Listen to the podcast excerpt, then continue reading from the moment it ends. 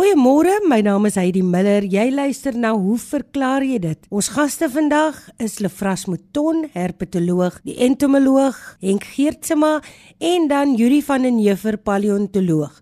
Henk is eerste aan die woord en hy wil gesels oor die Asiatiese kewertjie. Dit lyk my die Asiatiese kewertjie lok heelwat reaksie uit. Op die oomblik is daar in die departement landbou, visserye en uh, bosbou, is probeer hulle nou 'n landwyse konferensie saamkry en uh beide dokter Jeff Tribe en ekself ons weier om aan hierdie gesprek deel te neem want hier het ons te doen met 'n paar mense wat uh, amper die kat by die stert beet het. Mense sien dit as 'n guldige geleentheid om fondse te kry vir navorsing en dan word onnodig alarm geskep oor hierdie kewertjie. Hierdie kewer is in 2007 in Israel die eerste keer opgemerk op 'n avokado boom en die Israelies was baie bekommerd oor die feit dat die avokado boom aangeval word en hulle hele avokado bedryf sou bedreig. Daar het niks van gekom nie. Hoekom is daar nog tropiese woude in Asië oor? Hierdie is 'n indringende kewer wat natuurlik bome aanval wat ons noem uh, gestres is in Afrikaans. En nou sien ek ook in byvoorbeeld Somerset West is daar nou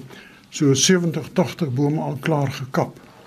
Nou, hierdie is 'n bietjie prematuur. Die plataanboom is besig om hulle blare te verloor want dit is nou die winter en die ding is is die boom werklik dood as gevolg van hierdie kewertjie of is dit dood as gevolg van ander omstandighede of is die boom net slijmerend? Ons weet nie. Die hele benadering om bome te kap, op te snipper is in my opinie dit gaan nie help nie. Die swam word deur die kewertjie versprei en dit word nie deur die affekteerde boom versprei nie. Die swam moet deur die kewer in die hout ingeënt word.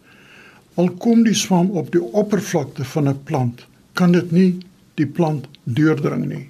Daar's 'n groot navorsingsprogram op die oomblik aan die gang by twee universiteite. En die probleem word na ons mening en ek praat vir my oud kollegas wat destyds in die bos en hout insektebedryf gewerk het, gedeel dat hulle probeer die ding verkeerd aanpak. Maar ek het nou 'n vraag gekry van Willem Klinger wat 'n oud kollega van my is. Sy was die taalbeampte by die universiteit En sy sê die nare kewertjie kom ook nou in Somerset Wes. Nou dit is skynbaar so. Sy sê sy het 'n wit stinkhout geplant wat floreer noor is in die huis. Nou sê met die bladwisseling het ek gesien dat op party van die blare so 'n swart poeierskimmel is en hier en daar wit skilfers soos op 'n mens se kop. Kan dit simptome van die kewer wees? Kan ek iets aantrend doen? Kan dit versprei na die struike Ek het 'n ou advokaateboom en ek verstaan dat die gogge ook advokaats aanval. Hoe kan ek sien dat dit geval is met my boom? Nou in die eerste plek, die wit stinkhout. Die stadsraad van Kaapstad het onlangs bevind dat wit stinkhout word nie deur die kewertjie aangeval nie. En hulle het byvoorbeeld uh, verwys na wit stinkhoutbome wat 900 jaar oud is. Hoe presies hulle dit bepaal het, weet ek nie, maar dit moet ou bome wees. Nou sien sy met die bladwisseling het gesien op party van die blare is 'n swart poeierskimmel. Nou hierdie swart poeierskimmel is eintlik die ekskreta van plantluise. Op hierdie wit stinkhoutse blare kom plantluise voor. Die plantluise suig plantsap, maar natuurlik 'n plant se plantsap bestaan uit 'n mengsel van baie suiker en min proteïene. En baie van die plantluise is eintlik agter die proteïene aan. So wat hulle maak, hulle het spesiale strukture op hulle liggaam, sogenaamde sphinculi, en hulle spysverteringsstelsel is daar 'n sogenaamde filterkamer wat dan sorg dat die oortollige suiker word dan afgeskei nie deur die anus nie, maar deur die buisies en die buisies soos 'n stroop. Dis nou 'n soet stroop wat afgeskei word. Dit val op die blare, veral natuurlik dit drup as dit ware as jy 'n groot besmetting het en In die lug vloei daar altyd swamspore rond. Die swamspore land op hierdie taai heuningdou kan 'n mens sê en dan ontwikkel die swam. Nou hierdie swam is dan die sogenaamde swartroet skimmel. Uh maar soos jy ook sê die blare val dan af en dis dan die einde van die storie. Die wit skilfers kan ook as gevolg wees van daar's 'n magtom plantsuigende insekte wat dan ook hierdie skilfers kan veroorsaak. Dis definitief nie die simptoom van die kewer nie want hier u verwys hier na blare, nie na die stam nie. Kan ek iets aan trend doen? Nee, los dit. Dis maar net die natuur. As jy kyk na die eikebome in Stellenbosch en soos jy ook sien, gereeld is daar uitbreke van plantluise op die eikebome. Partyke word dit gespuit, partyke nie. En dan kry mens dan natuurlik ook nog die wit skimmel, nie net die swart roetskimmel nie. Kan die kewertjie versprei na die struike? Nee. Skynbaar val dit die kewertjie net staande bome aan. En nou sê sy 'n ou advokadeboom en verstaan jy die gogga ook advokates aanval. Soos ek verwys het in Israel is 'n advokadeboom aangeval, maar sedertdien nie weer nie. So ek twyfel. En hoe kan ek sien dat dit geval is met my boom? Dit is gewoonlik boorgaatjies wat 'n mens kry in September. So as jy in September boorgaatjies sien op die stam, wat jy miskien onmiddellik kan doen is om 'n insektemiddel op die stam te spuit. Maar dan moet jy gereeld die stam ondersoek vir hierdie tipe vreedskade. Met ander woorde, die kewer gaan nie kans kry om dieper in die hout in te boor nie. Nou sê sy dis 'n vreeslike situasie. Ek stem saam. Daar's 'n hele skepping van panieksituasie omtrent hierdie geval. En hierdie sogenaamde omtrent 40 belanghebbendes word nou in die konferensie saamgeroep. Nou soos ek weer herhaal, ek en my kollega met jarelange ondervinding van hierdie tipe kewer weier om daaraan deel te neem. Baie dankie jy het geluister na die verklaring oor die Asiatiese kewertjie van Henk Geertsema. Goeiemôre Heidi, kollegas en uh, luisteraars. Andries Marx laat weet dat hy nie die jongste advertensies glo van versekeringsmaatskappye wat beweer dat mense een van die dae ten minste 200 jaar oud kan word nie want hy sê ons bestaan hoofsaaklik uit proteïene wat nie so oud kan word nie. Nou ja, ons bestaan eintlik meer as 80% uit water. Waar kom hierdie stelling vandaan? In die Britse mediese tydskrif Die Lancet is 'n artikel gepubliseer op grond van navorsing wat gedoen is en in die artikel word daar beweer dat meer as die helfte van die babas wat tans gebore word in geïndustrialiseerde lande kan verwag om ten minste 100 jaar oud te word. Ek dink ons kan oor die algemeen waarneem dat mense in die huidige tyd ouer word. As jy luister na die program op RSG waar ouer mense verjaardagwense toegewens word, ek dink dis op Sondag, dan was dit nie lank gelede wat mense wat 60 en 70 jaar oud gewees het, oud genoeg was om op die program vereer te word nie. Deesdae as jy luister, moet jy ten minste 90 jaar oud wees voordat daar aandag aan jou gegee word. Die hele idee van ouer word of langer lewe by mense dink ek is 'n uh, bietjie van 'n mistieke ding dat mense smag daarna om langer te lewe. En professor Stuart Kim van die Universiteit van Stanford in Amerika het waargeneem dat die lewensverwagting van mense in sy tyd gemiddeld met 2.5 jaar per dekade vermeerder het en dit beteken sê nou maar hy is 70 eh, of 80 jaar oud dan uh, is daar 'n redelike aantal jare wat 'n mens nou kan reken. Maar een van die redes daarvoor is omdat ons in beter toestande lewe en beter mediese dienste het, was daar ook 'n daling in die uh mortaliteit van babas. So baie meer babas bly aan die lewe na geboorte. Nou so baie so die oudste persoon wat ons tans van weet is nou al oorlede, maar dit was 'n Franse dame met die naam van Jean Calment en sy het amper 123 jaar oud geword op haar eie.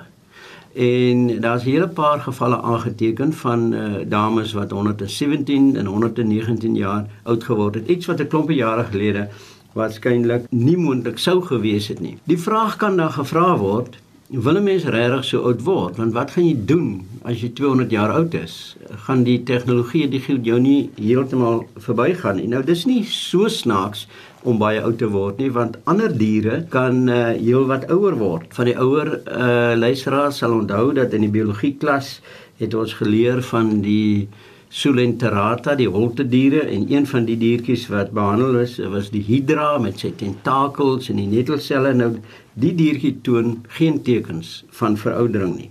Sponse en korale kan vir duisende jare leef En tot my verbasing moes ek agterkom dat sommige haie en walvisse tot 200 jaar oud kan word.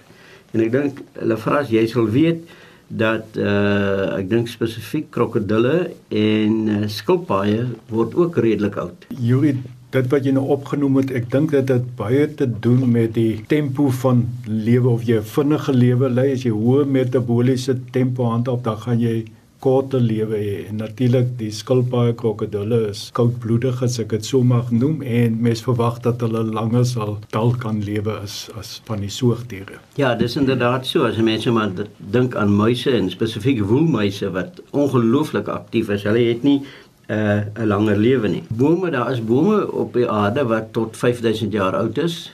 En hier rondom Stellenbosch het hulle 'n klompie jare gelede die woonbuurt Laclemaans geskep op 'n ou stuk grond wat baie olienoutbome gehad het wat die mense toe ontstel het toe die ontwikkelaar van die bome begin afkap het en toe dit gebleik dat sommige van die olienoutbome is oor die 300 jaar oud. Nou as 'n mens daaraan dink en die feit dat alle lewe deel tot 'n groot mate DNA en die genome is baie dieselfde by ons is dit natuurlik die mees te ooreenkomste met die bonobo uh, sjimpansees selfs so baie soos 99% maar ons deel ook ongeveer as jy mense genetiese moet glo 30% van ons gene met koolkoppe maar nou daaroor praat ons nie. So dit sou teoreties moontlik wees dan om ons genoom te manipuleer sodat die afbreekproses die oudwordproses kan uh vertraag word en daar is al navorsing in die rigting gedoen. Uh by die Buck Instituut in Kalifornië is daar uh navorsers wat met sekere wurms werk en hulle genome manipuleer en dan geslaag het om die lewensduur van hierdie wurms uh tot met 5 maal te verleng.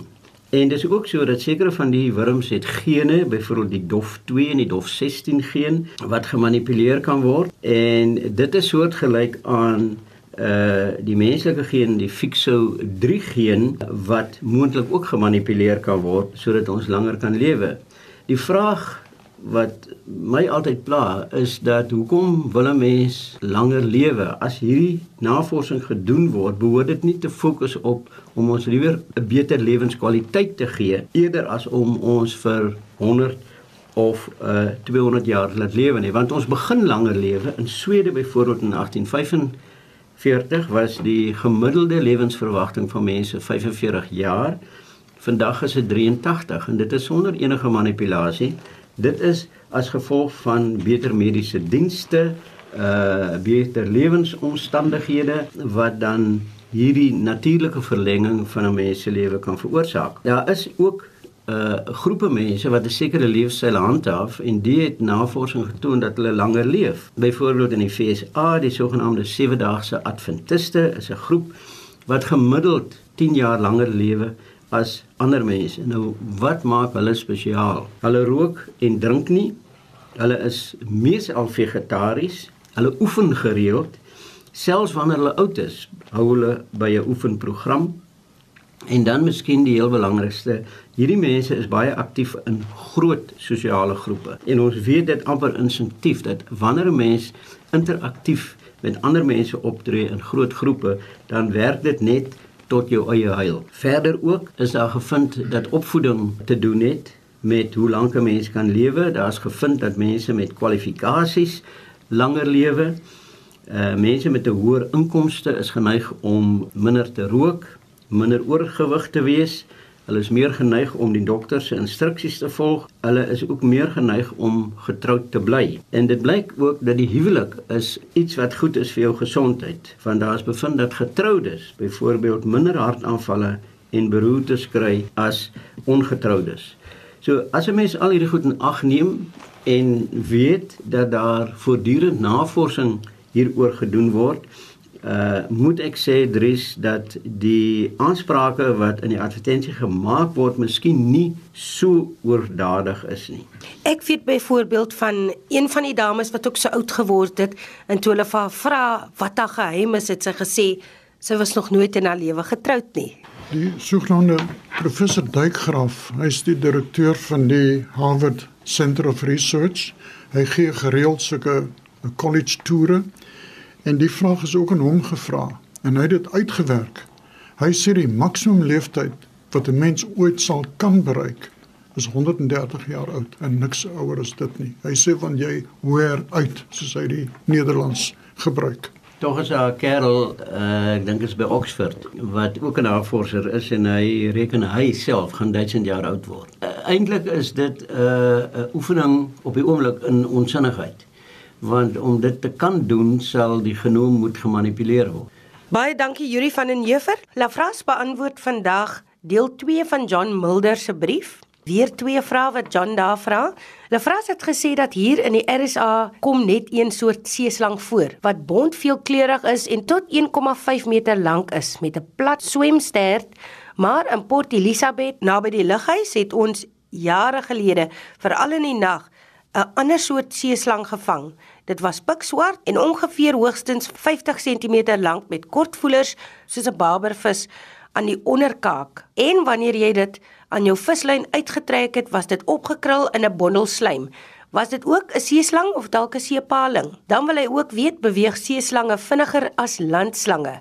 Hy het op 'n dag in Mauritius met sy metaalverklikker in die see geloop en 'n baie donkerbruin, amper swart seeslang van ongeveer 1,3 meter teëgekom wat pylreguit en soos 'n besemstok doodstil op die bodem gelê het. So stil dat ek gedink het dat dit 'n besemstok kon wees, maar aangesien 'n besemstok sou dryf en dat ek agterdogtig was dat dit miskien 'n seeslang kon wees, toets ek dit toe met die metaalverklikker om te sien of dit dalk 'n eysterkoevoet was en toe beweeg dit so vinnig weg soos 'n klein breekdeel van 'n sekonde dat ek nie eers kon sien in watter rigting dit beweeg het nie. Uh Heidi kollegas, nou John, dit wat jy uh, daar gevang het is baie definitief wat ons noem 'n slijm prik en dit is ook baie bekend as 'n snotvis. Saam met die lampreis, dit is 'n ander groep wat uh, parasiete is, die superklas Cyclostomata.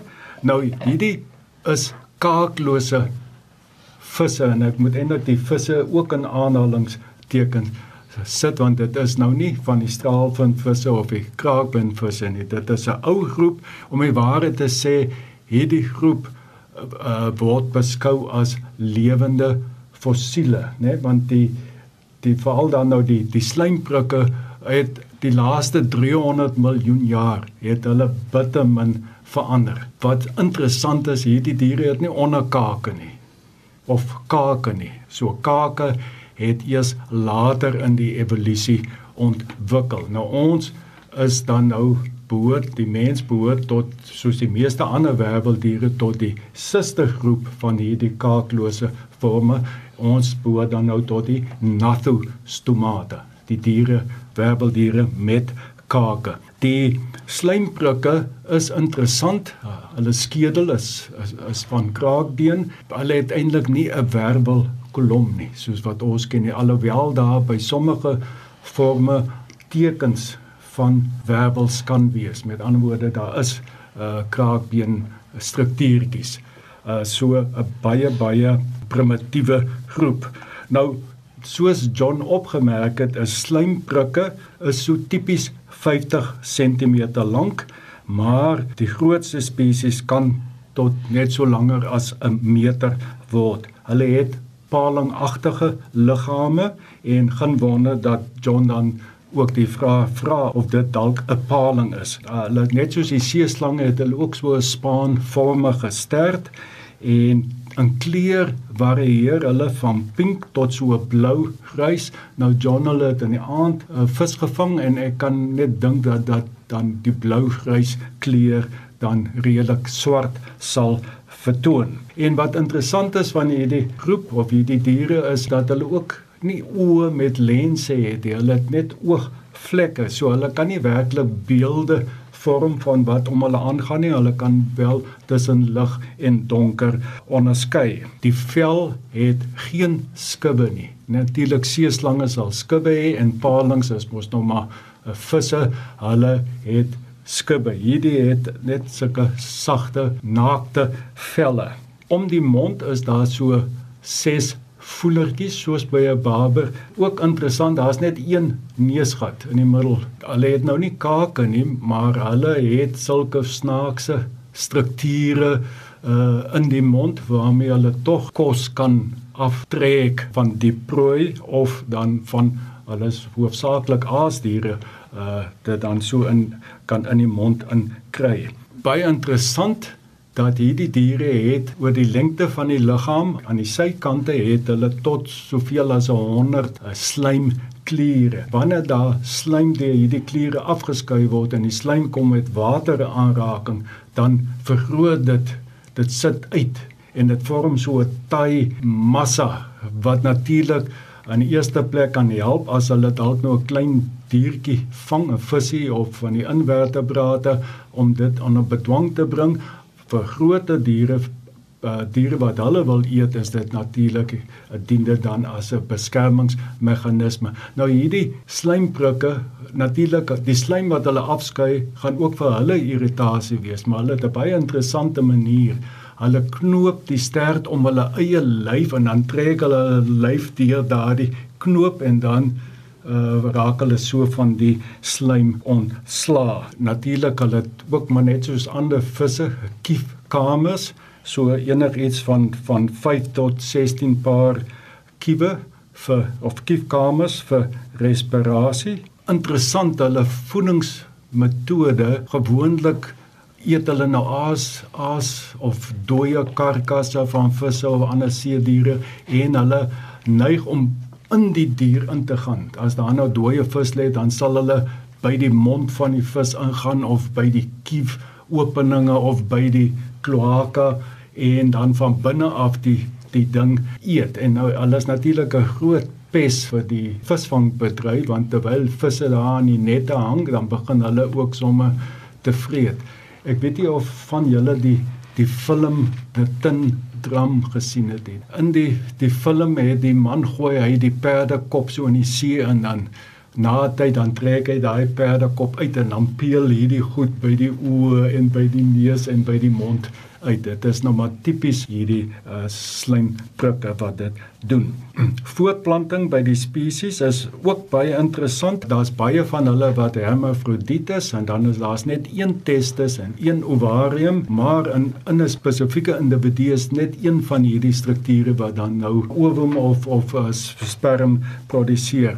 Afhangende van die ouderdom of soos 'n wyfie ouer raak of as individu ouer raak vir lang tyd is die ovarium onaktief en dan op 'n laat stadium begin die ovarium aktief te raak. So dan verander die mannetjie na 'n wyfie toe. Dit verklaar dan seker oor dat baie van die populasies is daar tot 100 tot 1 die geslagsverhouding in die guns van wyfies. So daar's baie meer wyfies in hierdie uh, populasies. Hier in Suid-Afrika is daar so vier spesies wat in die kus voorkom en die een wat John daar gevang het sal waarskynlik in in Port Elizabeth is die algemene ene die die 6 kief uh snotslang Eptatretus hexatrema.